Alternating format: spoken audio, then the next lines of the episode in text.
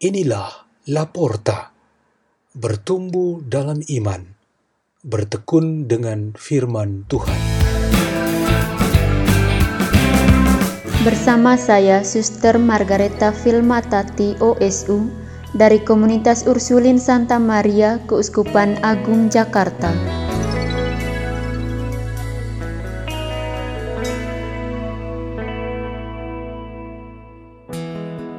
Bacaan dan Renungan Sabda Tuhan Hari Selasa Pekan ke-7 Pasca 18 Mei 2021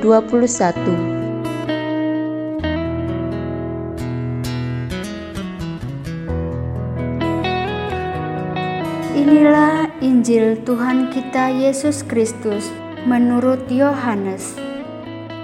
Dalam perjamuan malam terakhir, Yesus menengadah ke langit dan berdoa, Bapa, telah tiba saatnya. Permuliakanlah anakmu, supaya anakmu mempermuliakan engkau. Sama seperti engkau telah memberikan kepadanya kuasa atas segala yang hidup. Demikian pula anakmu akan memberikan hidup yang kekal kepada semua yang telah engkau berikan kepadanya. Inilah hidup yang kekal itu, yaitu bahwa mereka mengenal Engkau, satu-satunya Allah yang benar, dan mengenal Yesus Kristus yang telah Engkau utus. Aku telah mempermuliakan Engkau di bumi dengan jalan menyelesaikan pekerjaan yang Engkau berikan kepadaku untuk kulakukan. Oleh sebab itu, ya Bapa, permuliakanlah aku padamu sendiri dengan kemuliaan yang kumiliki di hadiratmu sebelum dunia ada. Aku telah menyatakan namamu kepada semua orang yang engkau berikan kepadaku dari dunia. Mereka itu milikmu, dan engkau telah memberikan mereka kepadaku, dan mereka telah menuruti firmanmu. Sekarang mereka tahu bahwa semua yang Engkau berikan kepadaku itu berasal daripadamu. Sebab segala firman yang Engkau sampaikan kepadaku telah kusampaikan kepada mereka, dan mereka telah menerimanya. Mereka tahu benar-benar bahwa aku datang daripadamu, dan mereka percaya bahwa Engkaulah yang telah mengutus aku. Aku berdoa untuk mereka, bukan untuk dunia aku berdoa, tetapi untuk mereka yang telah engkau berikan kepadaku. Sebab mereka adalah milikmu, dan segala milikmu adalah milikku, dan milikku adalah milikmu, dan aku telah dipermuliakan di dalam mereka. Aku tidak lagi ada di dalam dunia, tetapi mereka masih ada di dalam dunia, dan aku datang kepadamu. Demikianlah sabda Tuhan.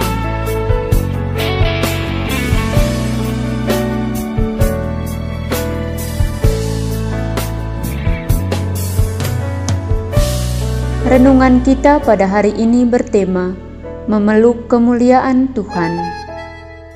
Yesus sudah menjelaskan sedemikian panjang lebar tentang Roh Kudus yang menyampaikan segala sesuatu tentang Dia kepada kita, termasuk tentang salib dan penderitaan. Dengan begitu, jika kita sebagai pengikutnya mencintai dan menyanggupi salib yang diberikan itu, kita pasti sangat disayangi dan diberkati Roh Kudus. Buktinya, Paulus merasa bahwa penderitaan dan salib sudah menjadi santapannya tiap hari. Roh Kudus menguatkan dan menghibur dia untuk menerimanya dengan senang hati, dan ia nikmati sampai akhir. Yesus memberikan kita tantangan untuk dapat bertahan sampai akhir. Tidak semua dari kita bertahan seperti Paulus, maka ia mendoakan kita supaya tidak khawatir akan penderitaan dan salib. Menyenangkan, Yesus Kristus mendoakan kita. doa Yesus berikut janjinya akan Roh Kudus yang menolong kita memikul salib, bertujuan supaya kita senantiasa menyukai salib itu, memeluknya, lalu memikulnya. Sebelum memikul salib, kita harus memeluk dahulu. Itu artinya kita mau, suka, dan menyanggupinya. Kalau memeluk sesuatu atau seseorang, itu berarti kita sayang juga kita berhati-hati menjaganya supaya tidak jatuh. Kita sayang dengan salib, demikian juga kita menjaga supaya salib itu tidak jatuh dari kita, bahkan bisa berpindah ke pihak lain. Dengan begitu, berarti kita memeluk kemuliaan Tuhan. Salib merupakan kemenangan dan kemuliaan bagi kita dengan itu, penaklukan kesalahan dan dosa terjadi, lalu pencapaian keselamatan sebagai kebenaran mutlak bagi kita. Memeluk kemuliaan Tuhan berarti apa? Pertama, karena Yesus sendiri menyatakan kemuliaan itu kepada kita, khususnya saat Ia mendoakan kita. Kedua, Yesus mempersembahkan kelimpahan hidup tanpa batas dan ini menggambarkan sebuah kemuliaan Tuhan. Kemuliaan Tuhan itu menunjuk pada berlimpah-limpah kemurahan dan kebaikannya. Ketiga, dengan memeluk kemuliaan Tuhan melalui salibnya itu, kita dipastikan mengenal Tuhan secara pribadi. Pada prinsipnya, jika kita dapat mengenal seseorang akan situasinya yang paling memprihatinkan, di situ kita mengenalnya secara mendalam dan pribadi. Dengan salib Tuhan, kita dapat mengenal orang-orang yang menderita di sekitar kita secara pribadi.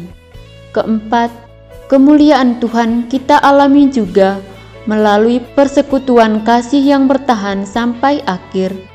Persisnya ketika kasih itu diungkapkan dalam melayani orang-orang yang menderita.